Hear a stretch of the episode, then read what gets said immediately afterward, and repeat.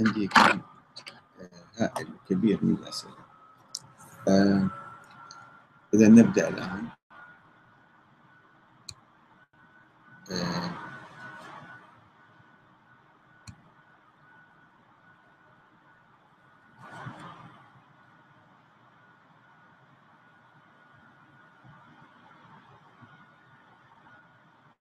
نعم.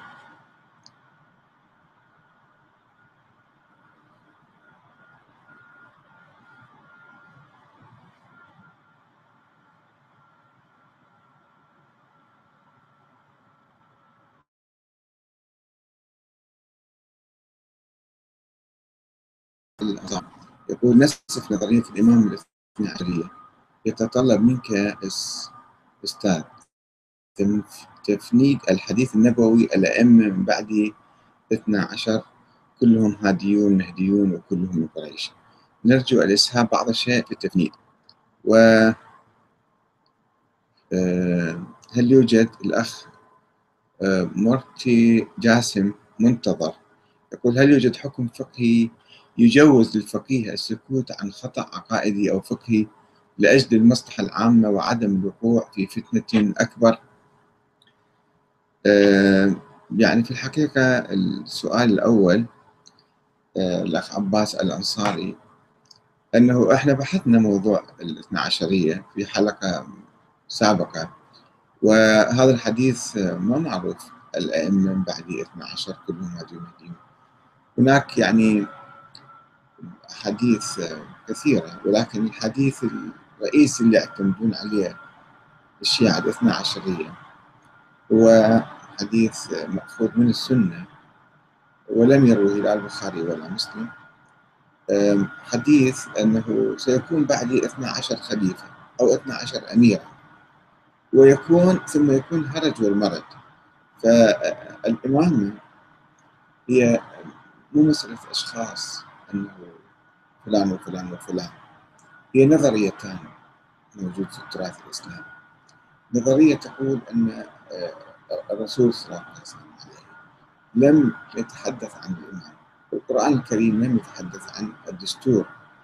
دستور الحكم وشكل الحكم ونظام الحكم ومن يحكم وكم يحكم ومن ينتخبه وما علاقته بالأمة. هذه قضايا دستورية متروكة للناس لتطويرها حسب الظروف يعني حسب الزمان والمكان والتقدم الحضاري ف والانتخاب تتم عملية الانتخاب تتم بالشورى عبر صناديق الاقتراع. كما هو معمول اليوم في مختلف البلاد السنية والشيعية. وهذا الكلام من أول يوم كان موجود وليس من الآن يعني. هاي نظرية واحدة. نظرية في مقابلها تقول أنه لا النبي عين الإمام علي والإمامة تسلسل في ذريته في ذرية الحسين إلى يوم القيامة. فهي بالوصية والنص والوراثة واحدا بعد واحد إلى يوم القيامة. النظرية الأولى أنا أعتقد هي نظرية أهل البيت ونظرية الأجيال الأولى من الشيعة. وليست نظرية السنة فقط يعني. آه وكذلك آه فرق عديدة من الشيعة من الزيدية و يعني غير الزيدية حتى هي نظرية أهل البيت أنا أعتقد. نظرية الشورى هي نظرية أهل البيت السياسية وليست نظرية النص أو الأسماء أو الوراثة أو ما شابه. وهذه النظرية نظرية الوراثة والأسماء والشروط المثالية في الإمام انبثقت وخرجت في القرن الثاني الهجري ثم واجهت تحديات عديدة ثم وصلت إلى طريق مسدود بوفاة الإمام الحسن العسكري. ما كان عنده ولد وهو أعلن ما عندي ولد. وسجل ذلك في المحكمة. فانتهت نظرية الإمامة انقرضت يعني راحت. فبقت بالأفكار بقت بالكتب بالخيالات. أما على أرض الواقع الشيعة انقسموا إلى فرق عديدة إلى سبعين فرقة. في القرن الثالث الهجري. وفرقة قالت أنه موجود ولد الحسن العسكري وهو غائب. ويجب أن ننتظر ولا نقوم بأي عمل سياسي أو عمل ثوري أو حكومة وكل راية قبل راية المهدي فهي راية ضلالة وصاحبها طاغوت. وبالتالي يجب أن ننتظر هذا الإمام فانتظر الشيعة الإمامية الإثنى عشرية ألف سنة حتى أدركوا أن هذا الفكرة يعني قتلتهم ودفنتهم وهم أحياء وهمشتهم عبر التاريخ. وفكرة مو معقولة فثاروا عليها. أول من ثار عليها يعني علماء سابقون أن راقي طرح طرح نظرية ولاية الفقيه. الإمام الخميني طبق هذه النظرية. الآن السيد السيستاني حفظه الله آه، يعني دعم فكرة الدستور والحكومة الديمقراطية المنتخبة ولم يعد الشيعة يشترطون في رئيس الجمهورية أو رئيس الوزراء أن يكون معصوم أو يكون معين من قبل الله أو أن يكون مثلا عنده صفات مثالية حتى العلم والعدالة لا يشترطوها يعني بشكل دقيق الكفاءة مثلا القدرة الالتزام بالقانون. هذا هذه الشروط العادية يعني. ف يعني ما يحتاج ننقض هذه الأحاديث الأخ آه، قال أنه يجب أن تنقض حديث الاثنى عشرية هي النظرية منتهية ما لها وجود الآن. بس باقي مخلفاتها باقي مخلفاتها اللي يسببون لنا مشاكل. تسوي لنا شيعة وسنة وتسوي تطرف وغلو وردود أفعال. دائما في مشاكل. أنا عرضت قبل قليل خطاب هذا. الوحيد الخراساني اللي يعتبر آية الله العظمى مرجع وكذا مدرس في حوزة قوم وإلى كثير من الأصحاب والأصدقاء والأنصار فهذا الشخص أطلق تصريحات عجيبة غريبة قبل أيام ودعا إلى نبش قبر أبي بكر وعمر. لاحظوا هذا فتنة. هذه فتنة يسويها بس هو ما يدرك إما أنه كبير بالعمر بعد ما يدرك الأمور جيد. أو لأنه يقول أنا ما أريد أسوي تقية. أريد أفصح عن رأيي وتلقفه هذا ياسر حبيب في لندن. وبدأ يهرج عليها هذه الفتوى يسميها أو التصريح. وبالتالي يثير الفتنة ويؤلب الأعداء على الشيعة. المهم في هذه الأمور هي ردود الأفعال المعاكسة. الصفويون قبل 500 سنة بدأوا يسبون أبو بكر وعمر في الشوارع. فحدثت ردود أفعال عنيفة ليس ضدهم فقط وإنما ضد عموم الشيعة. العثمانيون قاموا بمذابح أربعين ألف واحد قتل من الشيعة في حلب والأناضول انتقموا منه وكذلك في العراق. وصارت مذابح وفتن طائفية قرون من الزمن. فهل نريد الآن إحنا ندخل عصر جديد وقرون من الزمن نتقاتل بين سنة وشيعة. السيد السيستاني حفظه الله عنده خط وحدوي. يقول يجب أن لا لا لا توجد خلافات كبيرة بين الشيعة والسنة وخلافات رئيسية. ودائما الجمهورية الإسلامية من الإمام الخميني إلى الإمام الخامنئي دائما يعقدون مؤتمرات للوحدة الشيخ المنتظر رحمة الله عليه كلهم يدعون إلى الوحدة الإسلامية. وهناك خط كبير وقوي بالشيعة. يدعو إلى تجاوز هذه الخلافات التاريخية الماضية. والتركيز على الحاضر والتركيز على المستقبل في مواجهة الأعداء الموجودين الإسلامية. ولكن هؤلاء المتحجرين اللي مثل أمثال هذا واحد الخراساني ما عنده شغل وعمل قاعد بس يثير الفتنة ببعض المخلفات التاريخية. أن والله أبو بكر أخذ فدك من الزهراء وفلان أخذ كذا ثم رجعوها بعدين فدك أيضا من الزهراء وآخرين أخذوها وآخرين رجعوها. أقول تاريخ فدك شوف إيش بعنا بعدين قضية شخصية قبل 1400 سنة. واحد مثلا في خلاف على قطعة أرض. يعني إحنا شو نسوي؟ نظل إلى يوم القيامة نتحارب حول الأمور هذه إلى متى يعني؟ ونسب ونلعن ونشتم وكذا ونكفر. وهذا يؤدي إلى الفتنة. إحنا نريد نقتلع الفتنة الطائفية نطفئ هذه الفتنة. لابد أن نقتلعها من جذورها نقتلع الثقافات الخاطئة والنظريات الخاطئة التي تسربت إلى ثقافة أهل البيت أنا عندي هنا عدد من الأصدقاء. يقول أنت يعني ليش تهاجم الشيعة؟ والوهابيين يهاجمونا والتكفيريين يهاجمونا وأنت فوقها جاي أيضا تهاجمنا يعني ليش؟ شنو مو دافعك؟ شنو شغلك؟ ليش إيش كنت تسوي؟ أني لا أحد دافعني ولا ايد الوهابيه وأنا عندي كتب الوهابيه عدة كتب كانت عدة مقالات وشوفوا صفحتي وشوفوا كتبي يعني يعني أنتقد الوهابيه انتقاد شديد وأنتقد الدواعش وأنا ما أريد استفد جانب الوهابية واحد يقول لي أنت دائما تطلع على قناة الوهابية. ما أدري متى أنا طلعت على قناة الوهابية حتى ولا مرة اني شايف القنوات ولا رايح عندها ولا اتكلم معها المهم أنا آه، آه، ليش متهاجم بعضهم يقول ليش متهاجم الآخرين؟ ما أنا عندي كتب أخرى. في نقد الفكر السني في نقد الفكر الوهابي آه، وفي يعني دائما أتحدث ناخذ كل الفكر السياسي. ولكن كما يقولون الأقربون أولى بالمعروف. وأنا مو قصدي التهجم على الشيعة أو التهجم على التشيع. أنا قصدي خدمة الشيعة وخدمة مذهب أهل البيت. وذلك بتصفيه هذا التراث اللي جاينا باسم أهل البيت. مو كل شيء جانا بالتاريخ وبالكتب.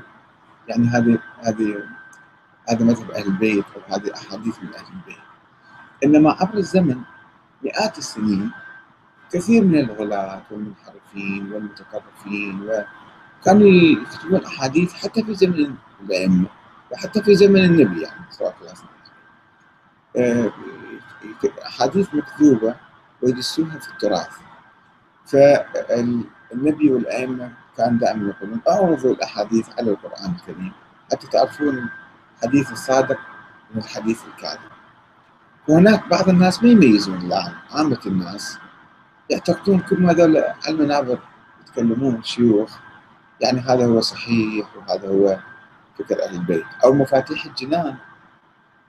نفس الشيء اليوم والدتي كانت تقول لي أكو ناس يضبطون عليهم بالعراق آه بعض أخواتي يعني.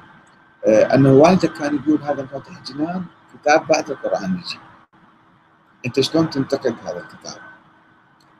لا هذا الكتاب يعني في أدعية صحيحة في أدعية حلوة واردة عن أئمة أهل البيت وفي أدعية مدسوسة في زيارات مدسوسة فيها لعن وسب وشتم وكذا وسوي عنف سوي عنف في النفوس وهذا العنف ينعكس بالشارع ينعكس بالتطرف. إذا أنت ما رحت قتلت الآخرين يجون يقتلوك. لما أنت تسب وتلعن على المنابر وهذا الشيخ الخراساني باليوتيوب وبالتلفزيون وبالكذا. يقول تعالوا يا ناس أيها المسلمون اذهبوا وانبشوا أمور أبي بكر وعمر وكذا. زين هذا كلامه يقول يعني هذا كلام عنيف. هذا أقوى من صاروخ أقوى من قنبله نوويه لأنه سيؤلب عامة المسلمين السنة ضد الشيعة وضد إيران وضد المرجعية وضد العلماء وضد مذهب أهل البيت. فهل من الصحيح أنه نترك هؤلاء المتطرفين الغلاة الطائفيين العنيفين أن يلعبوا بمقدرات الشيعة مقدرات المسلمين ويصبوا الزيت على النار ويسووا فتن وحروب بين المسلمين؟ أم يجب أن نراجع هذه الثقافة نراجع هذا التراث ونرجع إلى مذهب البيت؟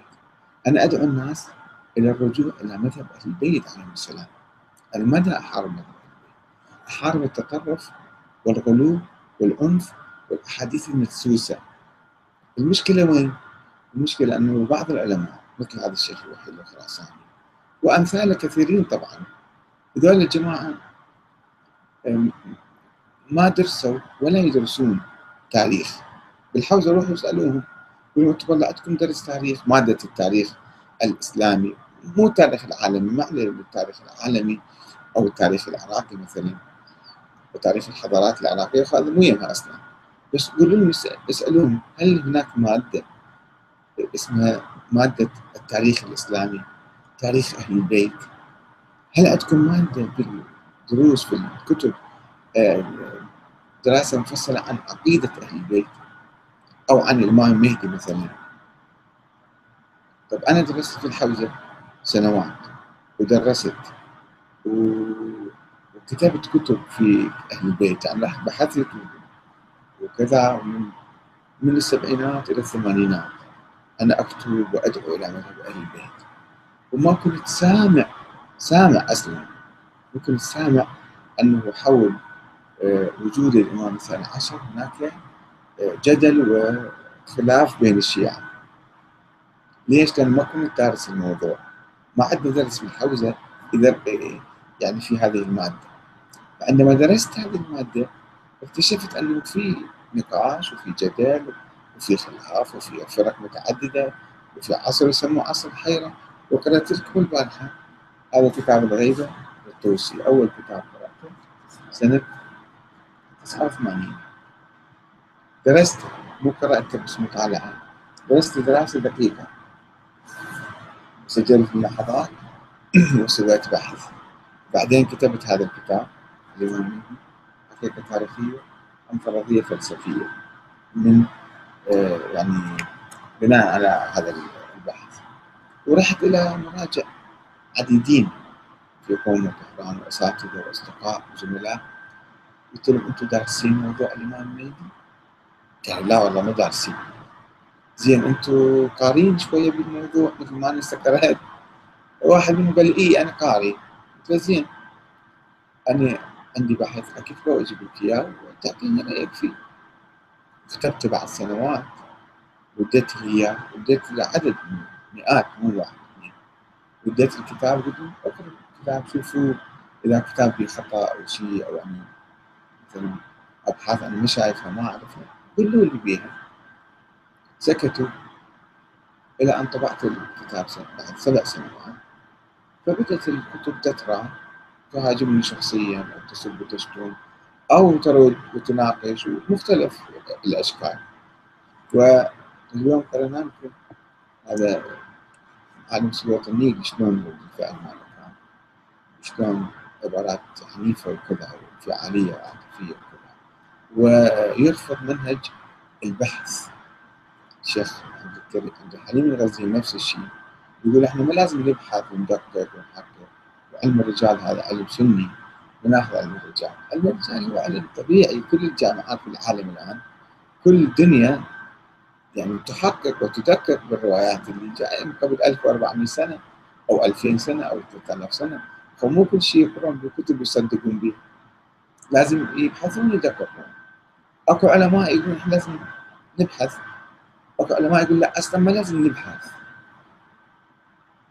أنا أسمي هؤلاء الحوزة الأمنية. الحوزة الأمنية التي لا تبحث ولا تقرأ ولا تدرس ولا تفكر. وتمنع الناس الآخرين من البحث والدراسة والتحقيق وحتى التساؤل. ولذلك أنا اربط دائما يعني أبرز مظهر لذلك شوفوا فتاوى موجودة على النت. فتاوى علماء عديدين ينددون ويكفرون ويفسقون ويضللون. السيد محمد حسين فضل الله رحمة الله عليه لأنه تساءل على شغله بسيطه جدا صغيره ما أنا لا أتفاعل مع موضوع الهجوم على الزهراء وكسر ضلعها وقصرها بين البعض وكذا الخرافات والاساطير الموجودة. قال هذا صعب ما تخش بعقلي يعني. فعالم مثل هذا العالم كفروه يذللوه يفسقوه غالي مثل كذا يسبوه على المنابر. يسبون أنا بعد من يسبون على المنابر ذاك عن المنابر قام يسب وهو عالم جليل. نشأ في الحوزة ولد في النجف. نشأ في الحوزة أبوه رجال عالم أخوته علماء أبناء علماء. وقال في النص كلمة قلبوا الدنيا عليه. فذول الجهلة اللي يسمون نفسهم آيات الله وكذا ما يخلون الواحد يفكر. الآن أيضا نفس الشيء. أنا إذا أتكلم بمنطق. وأطلب أي واحد عنده منطق تفضل يجاوبني يرد علي يناقشني. وأنا دعيت حتى رسائل خاصة وجهت إلى بعض المشايخ اللي يسبون ويشتمون. ما عندهم غير لغة السب والشتم. شوفوا الصفحة هذه صفحات أخرى عندي بعد. بس يسبون ويشتمون. يا أخي تعال نتناقش تعال نتحاور أنا وياك. تفضل جاوب على الأسئلة. أنت كذا أنت كذا. أنت مدري شنو؟ أنت من القالين. واحد قال لي. أنت من القالين يعني من الولاة إيه أو أنا. لا أنا أحب أهل البيت أنا والي أهل البيت. ما في ناس مثل أهل البيت في التاريخ الإسلامي. ولكن خلي شوية نفكر الآن إحنا على شو بدنا نتعارك ويا الآخرين؟ الآن إحنا في العراق الحركات الإسلامية المراجع السيد السيستاني كل اتفقنا على نظام ديمقراطي وعلى دستور وعلى حكومة منتخبة. هذا هو العرك اللي كان عليه من أول يوم. فإذا إحنا متجاوزين هذا الخلاف. هذا الخلاف إحنا التاريخي. خلاف تاريخي خليه بالتاريخ. مو نجي الان نثيره ونسوي قضية كبرى ونتعارك وين الناس عليه. هذا قصدي. فإذا أنا مو دا أهاجم التشيع أو دا أهاجم مثلا البيت. لا بالعكس. أنا ابن كربلاء وشارب من الفرات متربي آه، في كربلاء وفي الحوزة وفي الحركه الإسلامية.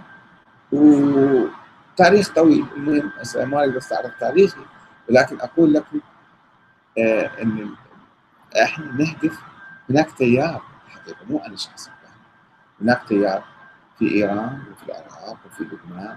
شفتوا سيد آه، سيد حسن نصر الله حفظه الله كيف ندد بهذا ياسر الحبيب وقال ذول ناس عملاء وتشيع لندني طيب نفس ياسر الحبيب موجودين في قم موجودين في العراق موجودين في النجف وفي كربلاء في خط معين.